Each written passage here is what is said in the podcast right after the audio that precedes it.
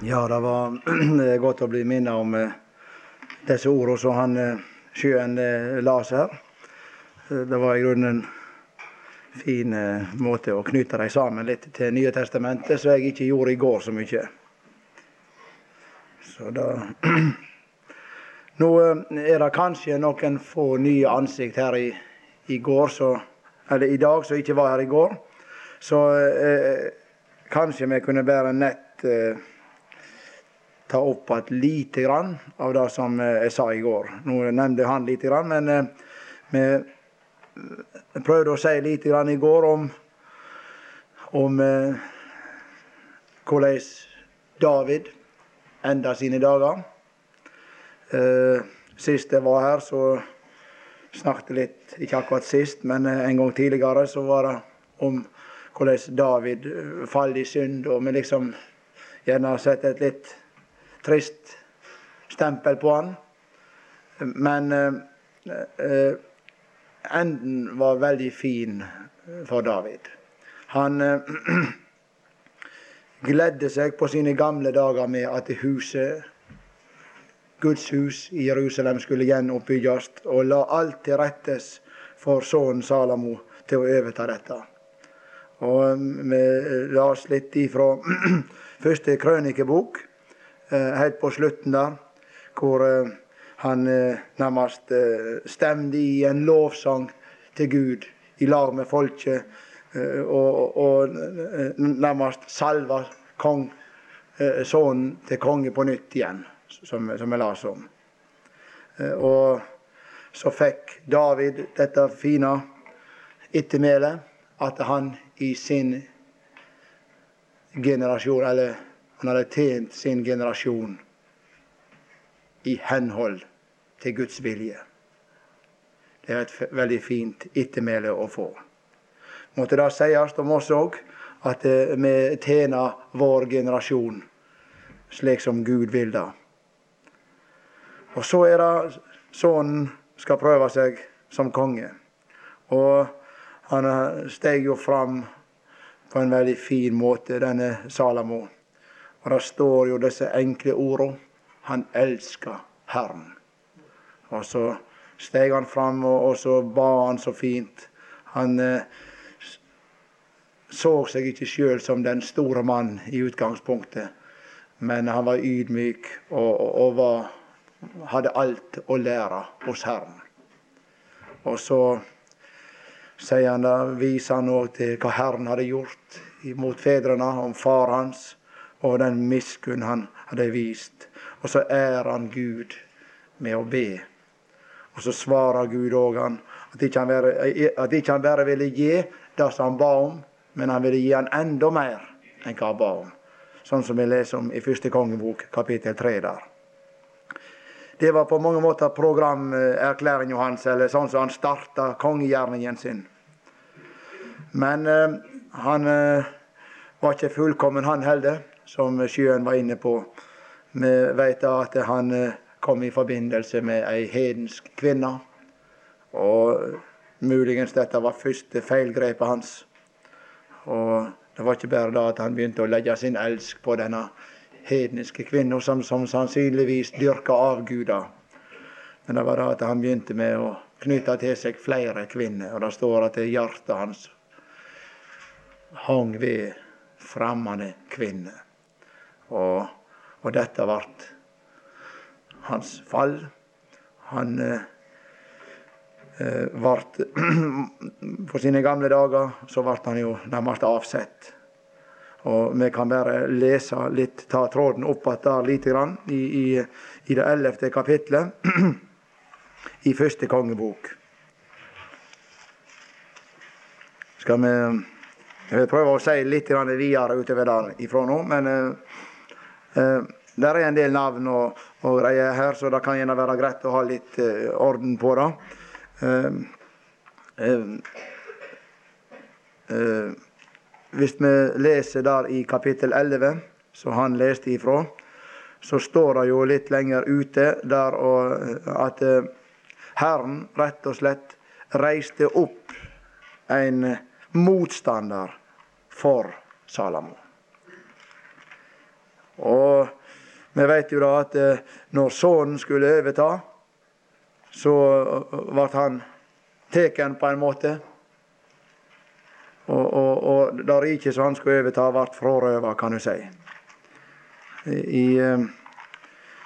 Skal vi se jeg har så lite merkinger i denne her, så jeg finner så lite ting. Men hvis det er vers 14, der leser vi og Herren laga det så at en fiende reiste seg mot Salamo.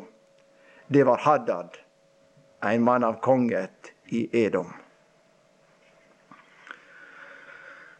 Så det er sånn at eh, når han ikke følger Guds forordninger, så er han ikke brukende lenger. Slik var det òg med Salamo. Han måtte takast ut av tjeneste på en måte. Det er nokså alvorlig i, i grunnen eh, når en tenker over det.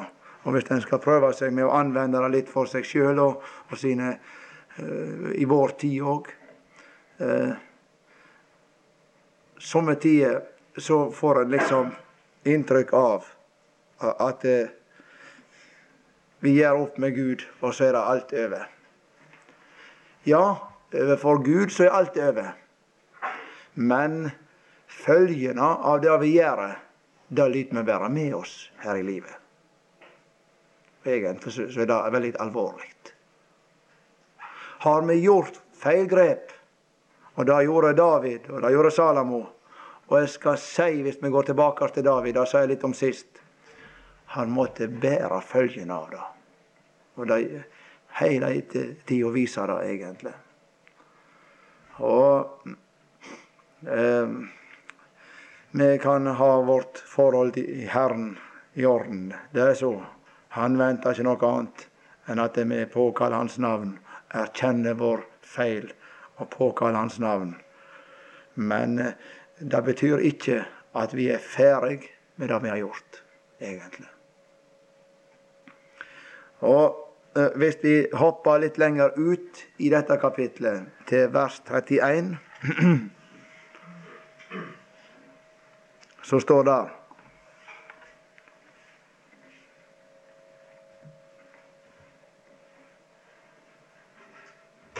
Uh, ja, jeg kan lese vers 30 òg. Så tok Akia den nye kåpa han hadde på seg, og reiv henne i tolv stykker, og sa til Jeroboam, tak nå du ti av disse stykker for så sier Herren, Israels Gud, eg riv riket ut av hendene på Salamo og gjev deg de ti ættene. Og dermed så var de tolv stammene skilt i to grupperinger. Ti og to. Ti stammer og to stammer. Og det var følgende, egentlig, av, av dette her. Og disse ti stammene, de eh, Om de, som jeg sa i går, så har, har det eh, gjerne blanda seg seinere. Når en leser ut gjennom Bibelen, så god. Men eh, folk ble spredd. Og den dag i dag så er jødefolket spredd mellom nasjonene. Men som vi ser for våre øyne, så samles de igjen. Og Jeg skal bare minne om eh, et uh, profetord i uh, Esekiel, da, profeten Esekiel 37. Dette er sånn som gjerne har vært sitert en del i, i seinere tid nå. på en måte liksom at det har blitt mer aktuelt. Men la oss bare, Der er flere plasser det står om dette, men Esekiel er en, en av de. Esekiel 37.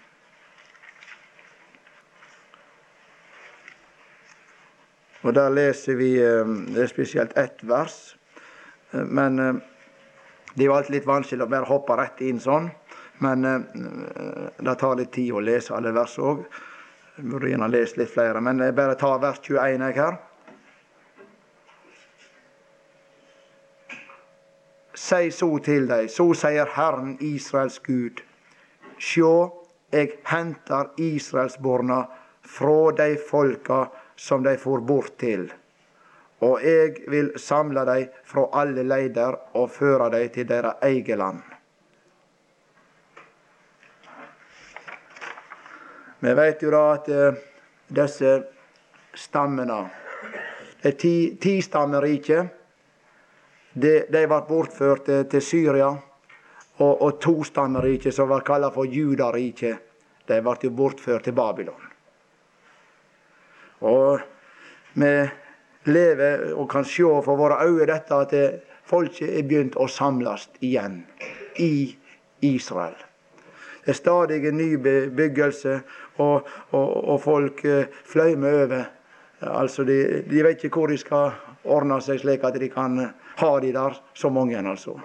Men eh, det har gått til denne tida, og det vil enda samle seg mange folk der. Så det er forunderlig å se hvor eh, profetordet går i oppfyllelse.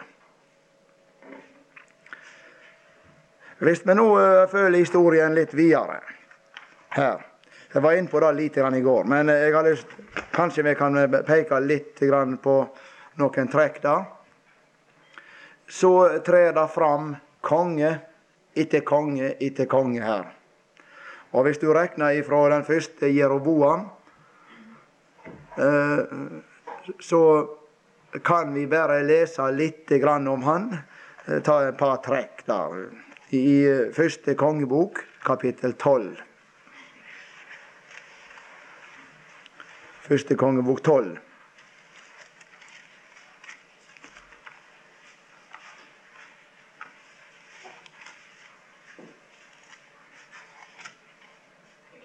Så ser vi hva der står. I, ja, vi kan se litt ifra vers 28, da. 12.28.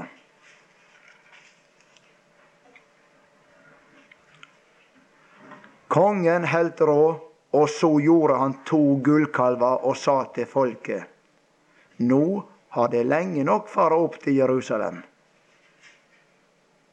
Ja, sjå, her er gudene dine, Israel, de som fører deg opp fra Egyptaland.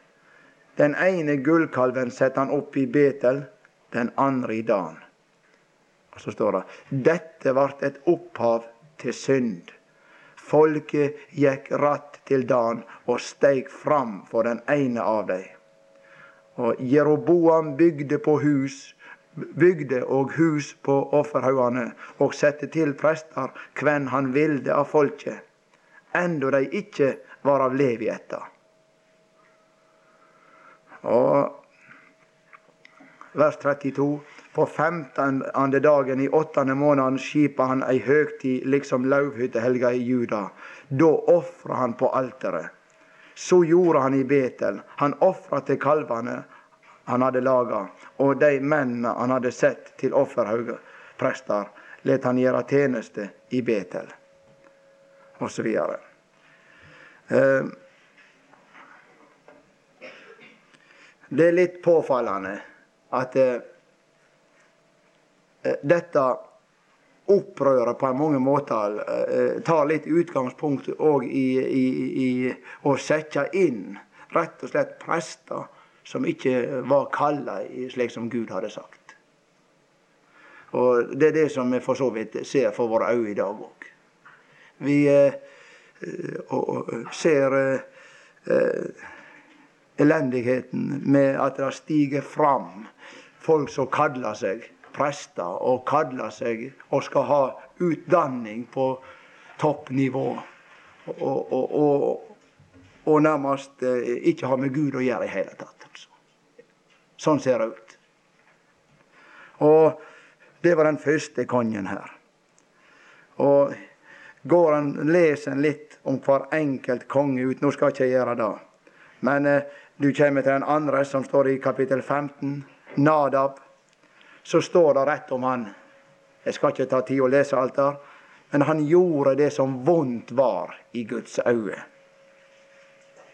Tar du den eh, tredje kongen, han heter Basa. Han myrda denne Nadab. Og Går du videre, så har du Ela, som var konge. Han var, var, er karakterisert som en dranker og en morder. Han står om i, i kapittel 16. Og den femte kongen han heter Simri. Han var egentlig skyldig i ei sammensverging.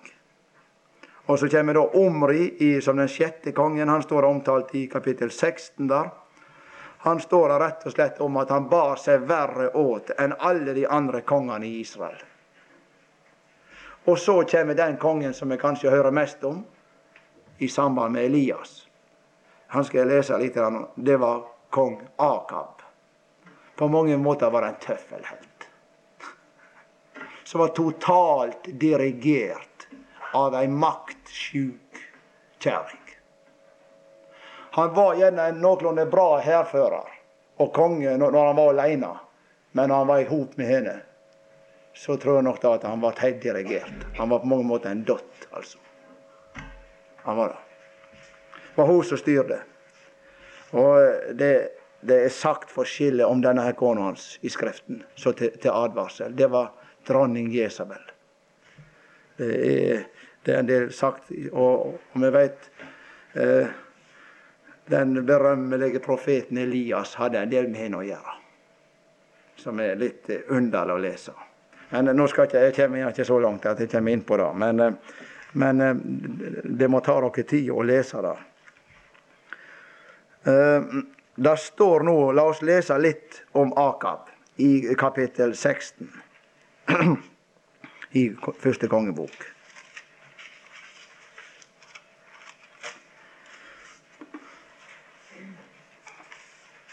vers 29.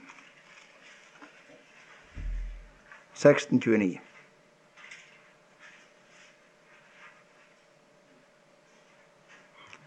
Det var i 38. året av Asas kongedømme i Judariket at Akab, Omris sønn, vart konge over Israels rike. Da ser vi disse to rikene, altså. Og han satt konge over Israel i Samaria i 22 år. Akab, Omris sønn, gjorde Herren enda mer imot enn alle de som hadde vært før han. Det var ikke bare det at han holdt fram med, med syndene som Jeroboam, Nebats men han tok Jesabel, datter åt Etbal,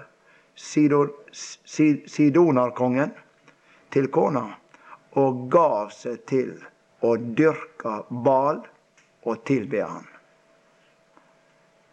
Og vi vet som det står, han bygde jo et tempel for denne guden.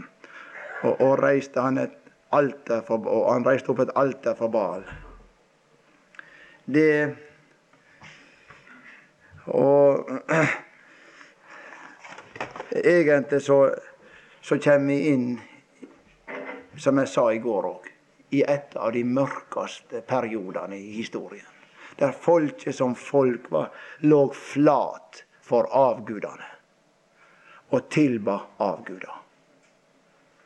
Så hvis en ser liksom på det framme her, så, så, så var det trasig at dette Jeg vet ikke om jeg kan nett si det så slå det sånn fast, men det starta med Salamo. Når riket ble Herren oppreiste han motstandere, og da gikk det bedre på ned, altså. Det gikk bedre på ned. Og i grunnen ser vi på vårt folk i dag, vi som har hatt Guds ord i snart 2000 år, så er vi i grunnen på mange måter i samme bås. Hvis vi ser på vårt folk i, i, i dag. Hva er det vi er opptatt av, egentlig? Det som han sjøen sa. Vi lyter nok veg da til dette med pengegriskhet og osv. Og, og avguder, som han leste opp her fra Kolossenserbrevet.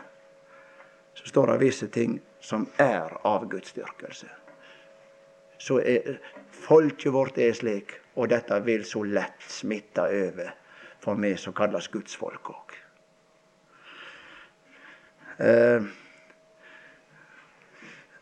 eh, ser vi generelt på folket, så lever alle tilsynelatende så de har det så godt.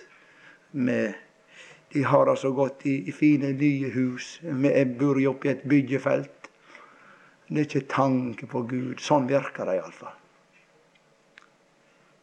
Og alle har, har det tilsynelatende vel og, og bra. Vi er velstående. Penger har vi. Og, og, og, biler har vi. Vi kan reise der vi vil, og, og, være med på det en vil. Kjøpe omtrent nettet en vil, osv. Det er liksom eh, det som er Gud å gjøre. Det er liksom helt i det blå. Og så er det gjerne en gang da når en ser en på folk, når en møter opp i en grafer eller noe sånt, ja, da er det gjerne et eller annet som har med Gud å gjøre. Da er liksom Gud litt nær folket. Sånn er jo situasjonen mye i tida som vi lever i. Eh, er, det er ikke nød lenger. Og det er ikke tvil om det at i de, de trengselstider som har vært over folket vårt og i landet, så har folk søkt Gud. Og jeg har ikke opplevd noen kriger. Men jeg vet så mye, jeg har lest, fått fortalt, at det var ikke vanskelig å samle folk om Guds ord når nøden var under i krigsdagene. Vi hadde i vår heimbygd en stor vekking med Jon Aurebekk i 1941. Folk gikk mann over huset. Og, og, og det er varige følger av det. Eh, resultat. Men eh, Gud, han var ikke rådløs. Plutselig så har han et vitne som han vil skal stige fram. Og det er profeten Elias. Og Nå kunne det vært mye å sagt om han. Jeg, jeg har lyst til å, å, lese litt om starten i, i, i, det som står her. Og Da er vi kommet altså til kapittel 17 i første kongebok. Og nå er jo dette beretninger som gjerne er litt mer kjente òg. Men, men det er fint å, å, lese om den gudsmannen Elias. Som jeg sa i går, han er karakterisert i Skriften som en, en bønnemann. Hvis vi leser Jakobs brev, så kan jeg gjerne sitere det fra Jakobs brev kapittel 5. Der har vi fått en liten eh, karakteristikk av profeten Elias. Og det står 'han ba', står det så enkelt. Jeg bare nett sitere det fra Jakobs brev. Jakob 5, vers 16. Da leser vi i slutten på det verset Rettferdig Ja, Jeg kan vente det. Rettferdig manns bøn har stor makt i sin verknad. Og så står det Elias var en mann under samme vilkår som meg. Og Der ser du det kommer igjen. Han levde altså under samme vilkår. Og da kan vi jamføre det med vår tid òg. Folket er vek ifra Gud, gjort seg uavhengig av Gud, og folket dyrker i grunn av gudene. Så står det om han. Og han ba at det ikke skulle regne, og det regna ikke på jorda på tre år og seks måneder. Og han ba på nytt, og himmelen ga regn, og jorda bar sigrøda. Det er akkurat som når Jakob ved Guds ånd skal skrive noe om Elias, så er dette han tar fram. Dette at han var en rettferdig mann og dette at han ba, og at han ba på nytt. Det er derfor jeg mener å si han var en bønnemann. Og han er domsprofet, det er greit, men han var en bønnemann. Og derfor, Han har noe å lære oss, denne Elias. Nå kan en gjerne lure på Jeg tror jeg skal lese litt òg fra kapittel 17. Jeg skal jeg si litt hvorfor han ba slik som han gjorde. Hvorfor skulle han be dette at himmelslusene skulle stenges? Var det noe å be om? Ja, la oss lese bare ifra kapittel 17. Elias, vers 1. Elias fra Tispe, en av de som hadde flytta inn i Gilead, kom en dag til Akab og sa:" Så visst som Herren Israels Gud lever han som eg tjener, seint og tidlig. Tenk på det. Ja, jeg syns det er litt, litt underlig. Her har du den her gubben, eller kongen Akab. En avgudsdyrker av dimensjoner, hadde jeg nær sagt. Som bødde kne for kona si. Det var én ting. Og så bødde han kne for Baal. Og her kommer det fram en plutselig en mann kledd i kappa. Lodden kappa nærmest. Det står jo beskrevet hvordan han er kledd seinere. Men eh, en mann som kommer fra fjellandet, et høgdedrag i Gilead. Og så står det at det, liksom han snakker om en, en gud, en Israels gud, som lever. Han undrer, undrer seg sikkert, denne Akab, hva for en kar dette her var. Og så sier han Eh, så kommer han med dette her. Det skal ikke komme anten dogg eller regn i disse åra før jeg sier det.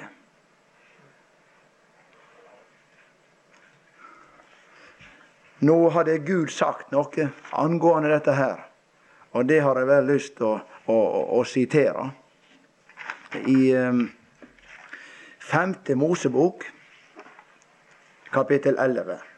Og vi skulle regne med at eh, profeten Elias han kjente til Guds ord. Der står jo her at han tjente Gud både seint og tidlig. Og Derfor så skulle en regne med at han kjente det som denne Gud hadde sagt, og hva forordninger han ville ha. I 5. Mosebok, kapittel 11, og vers 16 og 17, der står det.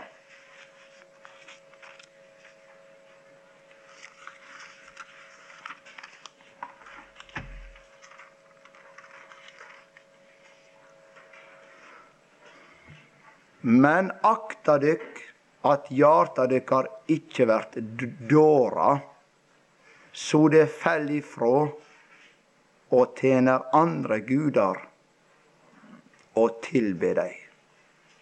Det var det som hadde skjedd i Israel. Det var det som hadde skjedd nå. Folket, det, begynte med Salamo. Og eh, folket var falle ifra Gud, på en måte. Og vers 17 så står det For da lågar Herrens harm opp mot dykk, og han stenger himmelen att, så det ikkje kjem regn, og jorda ikkje gjev grøa, og vonom snøggast vert det utrydde av og det landet, og det gilde eller fine landet som Herren gjev dykk til eiga. Så det var en, en eh, Det er jo derfor vi gjerne kaller denne Elias for en domsprofet. Det var dette budskapet han skulle bære fram for kong Akab. Eh, at eh, når de har båret seg slik åt som de har gjort, så er Gud Jeg tjener den Gud som virkelig lever, og som føler det som han sjøl har sagt. Og vi veit hva som skjedde. Himmelens sluse de holdt tett. Så Nå skal ikke jeg eh, si så mye, men jeg, jeg har lyst til å, å, fokusere litt nå i sluttfasen her. Jeg skal ikke holde så lenge på. På mange måter så hadde jeg på en måte litt av det som jeg hadde å fare med denne gangen. Kom liksom litt i går, hadde jeg sagt. For å si det så det er. Men, eh, men eh, jeg kan heller si litt om Elias en annen gang. Men jeg har lyst til å uh, si litt grann sånn i startfasen nå med Elias. Så kan jeg, kan jeg heller få lov å komme tilbake til hvis jeg får høve til det en gang seinere. Eh, la oss eh, bare lese litt grann, eh, hva som skjedde med han Elias. Og, og på mange måter han enda på Høgaloftet, som det står her. Han gjorde det. Og han enda på Høgaloftet i, i Sarepta. Det, det, er veldig fint å se hvordan Gud fører Elias. Og når vi tenker på hva oppdrag på mange måter han skulle få i folket der, og som på mange måter kuliminerte på Karmelfjellet, så var det ikke uten grunn at Herren tok han litt til sides i startfasen for å lære han opp litt. Det er slik Gud arbeider med folk. Eh, hvis han vil bruke oss, så kjører han ikke oss opp i en stor posisjon på null komma niks, hadde jeg nær sagt. Nei, nå må du ta deg Han tar oss til sides, og så tar han en utdannelse på oss. Og det koster for gamle Adam. Det koster. Slik har det alltid vært. Og, og, men vi mennesker har ikke alltid forstått dette. Og derfor så har en òg en del ledere tatt folk som har levd et ugudelig liv i synd og galskap, og så har de kjørt de fram som preikere på møteveke og møteveke, og så har det skåret seg til slutt. Fordi en har ikke utdannelse hos Herren til å stille fram på den måten som en gjør det. Slik er det mange eksempel på. Det, eh, men det er sånn med Herren at det, eh, hvis han skal få bruke oss på rett måte, så må han ha oss for seg sjøl og lære oss opp. En kunne vist til mange eksempel. Jeg tror det er helt enig med meg der. Det er mange eksempel i Skriften på, på en slik. Og sånn var det òg med Elias. Tenk seg til å komme ned til den hedenske byen Sarepta og før da bli mata av noen ravner. Jeg skal si da at det var ikke enkelt for han, altså. Og det er ikke uten grunn, nå foregriper jeg litt, men det er ikke uten grunn at det ordet sarepta det betyr nærmest en slags eh, foredling. De drev og smelta metall der nede. Eh, altså, og, og de synger en sang, dette her, og, og renser gullet for slagg osv. Det var noe som måtte renses hos profeten Elias òg. Men nå skal vi lese. Eh, eh jeg syns det er veldig Det er mange fine detaljer her. Men eh, vi tar litt med. I vers 2 står det Da kom Herrens ord til han, og det lydde så. Og nå skal han ut i ensomhet. Nå skal han være alene Herren. Far bort herifra og tak veien mot aust og løgn deg attmed Kritbekken austan for Jordan. Du kan drikke av bekken, og eg har sagt til ravnane at de skal syte for mat åt deg der.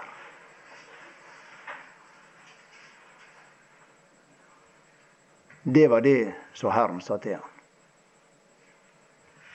Og nå kan en tenke seg eh, Alt går på en måte imot det naturlige her. Eh, for det første, det var ikke, ei stor elv han skulle ha det til, men det var en bekk. Og det var ikke så enkelt, sikkert. Vann i dag, tort i morgen. Det er sånn det er med bekkene. En dag så er det noenlunde vann Det var ikke noe stadig som kom, altså. Det var noe usikkert. Og så dette å bli skulle få mat ifra noen ramner. Det virker jo så unaturlig da på en måte. Men det er så fint med Elias at eh, så tok han ut og gjorde som Herren hadde sagt. Når Herren sa noe i ordet, så var han lydig. Så brukte han ordet Altså, han, han, han viste sin kjærlighet mot Herren ved å gjøre etter ordet. Og det er ikke for ingenting det står i Jakobs brev at eh, Og på mange måter så er et hovedtema òg i Jakobs brev dette her å, å, å, å gjøre slik som ordet sier. Ikke bare høre og høre, men òg å leve og gjøre etter ordet. Og Der er Elias et eksempel på. Han gikk til Krittbekken, austan for Jordan, og der gav han seg til. Og ramnene bar brød og kjøtt til han om morgenen, og brød og kjøtt til han om kvelden. Og han drakk av bekken. Så står det. Men da det lei om ei tid, tørka bekken bort, av de det ikke sjølsagt ikke kom regn i landet. Da Herrens ord, kom Herrens ord til han, og det lydde så. Tak ut og gå til Sarepta, som hører til Sidon. Merkelig nok Det er litt underlig, dette. Eh, Sidon var en hedensk plass. Og var det noen plasser de dyrka avgudene, så var han akkurat der. Men der skulle han gå. Og som jeg sa, Sarepta det betyr, betyr nærmest en, en, en, plass der de driver med foredling. Og, og, eller eh, dette å, å smelte metall for å rense det. Det er det ordet betyr, iallfall. Eh, men det var her han skulle gå til. Og merkelig nok òg, det kan jeg finne ut seinere, at denne Jesabel så han òg måtte frykte seinere. Hun var der ifra Sidon. Hun var der ifra Sidon.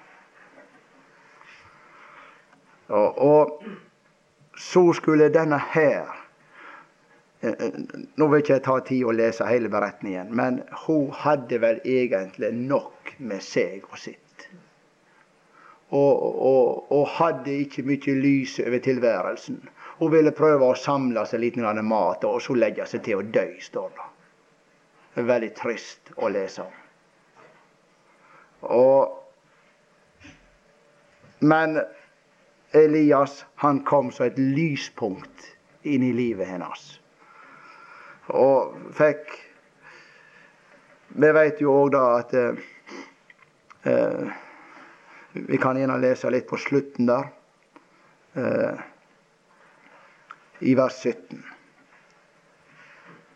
Da hopper jeg litt. Rann. Ei tid etter at det hadde gått føre seg, bar det så til at sønnen åt denne kona, åt henne som åt i huset, vart sjuk.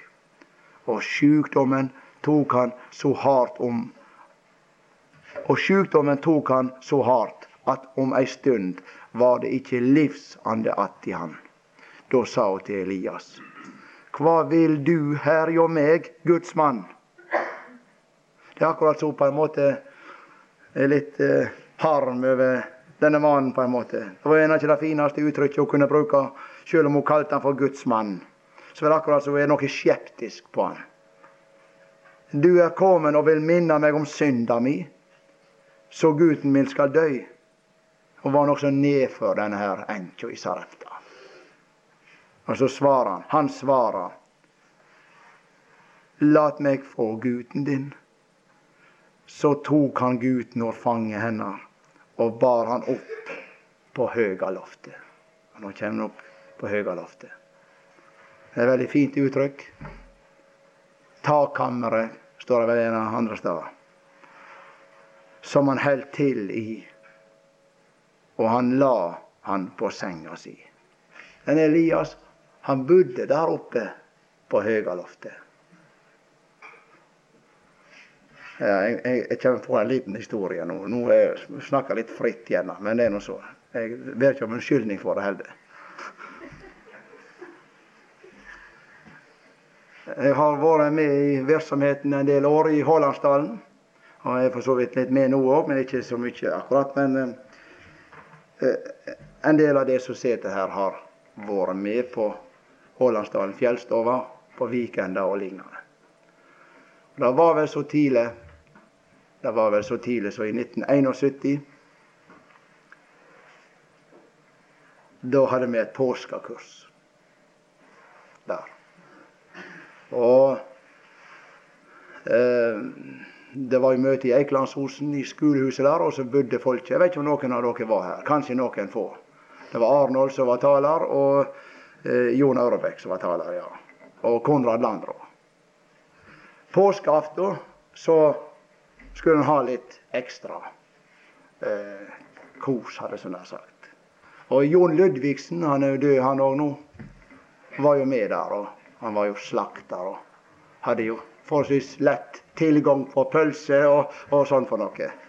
Og så så, så svært i dette her å få seg et, ei pølse da på en påskeaften. Det har ikke vært noe slag da nå lenger. Dette var det 20, 20 år siden snart. Men jeg, jeg husker det så godt. Da satt vi liksom skulle kose oss litt ekstra. da. Vi hadde noen knapp pølse der ja, og, og greier. Men eh, Jon Aurebekk Nei, det, det, det er best jeg, jeg, går på loftet, sa han. han, han, han, skulle predike neste dag, så han må, kunne ikke ta for mye pølse inn altså, da, eh, på kvelden. Han, han, måtte på loftet, liksom. Han måtte få stillhet. Han måtte være på ro. I ro. Og jeg, tenker på han han satt en del på Høgaloftet. Han gjorde det. Og det var gjennom det som gjorde han kunne være det redskap for Herren som han vart òg.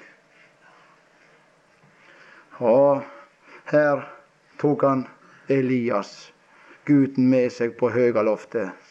Og vi veit, det står jo da i Hebreabrevet. Og det er sikkert sikta litt til dette at kvinner, står det i hebreabrevet 11, fikk sine død igjen.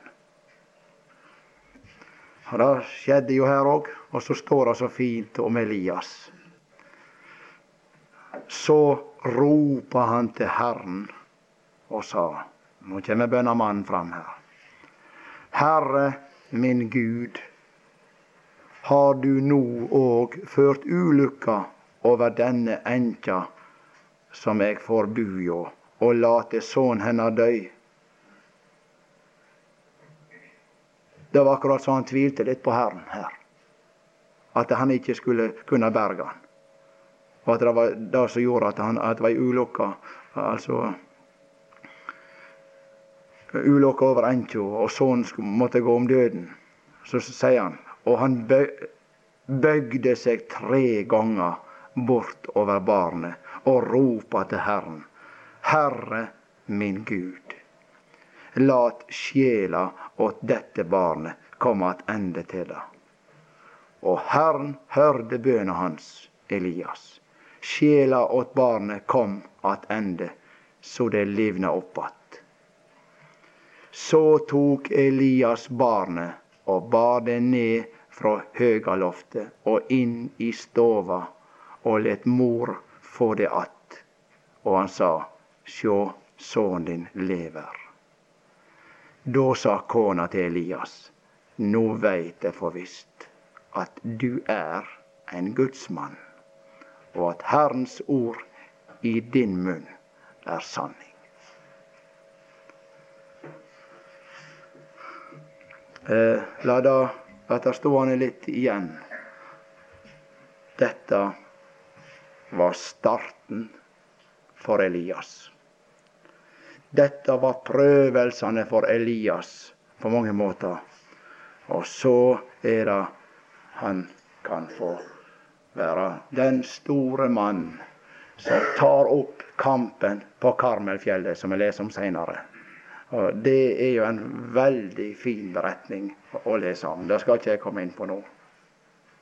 Men Herren må føre sine på forskjellig vis før de kan bli i stand til å, å, å gjøre sånn som han vil. Og Elias fikk vise da at eh, han hadde med en levende Gud å gjøre. Og det trong folket i den tida. Og det er sånn vi òg trenger stå fram. Verden og folket vårt trenger få sjå det at vi har med en levende Gud å gjøre.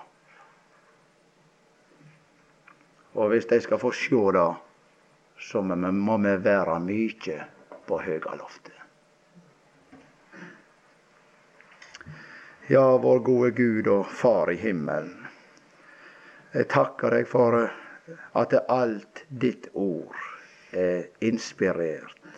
Den hele Skrift, som det står, er innanda av Gud. Og nyttig til lærdom, til rettleding og overtiding. Og så ser du disse sanningene som vi har prøvd å bære fram. Måtte det være med å inspirere oss litt. At du har ført ditt folk før, og du har utdanna de som du skulle bruke før. Og det er på samme vis nå òg. Du har vist oss veien, og veien deg inn til ditt ord. Og gjerne i ensomhet og i ensomme stunder så kan du få åpenbare Skriftene for oss. Vise oss veien. Og så skal vi få gå ut til ei mørk og ei kald vær omkring oss. Som er, fallet i avgudsdyrkelse, og som ikke kjenner deg. Måtte det verte som for Elias, at eh, vi får vise vårt folk at vi har med en levende Gud å gjøre. Så takk for samlingene her og for vennene. Må du signe oss alle. Vi kan aldri få det gildt i lag uten at hver enkelt er hos deg. Og være som en læresvein som lærer oss å lytte til deg. Måtte vi bruke mye tid. Jeg ber for min egen del, Herre Jesus. Du ser det blir så korte stunder i samfunnet med deg. Måtte du få virke slik at vi tar oss tid i denne rastløse vær som vi lever i. Amen.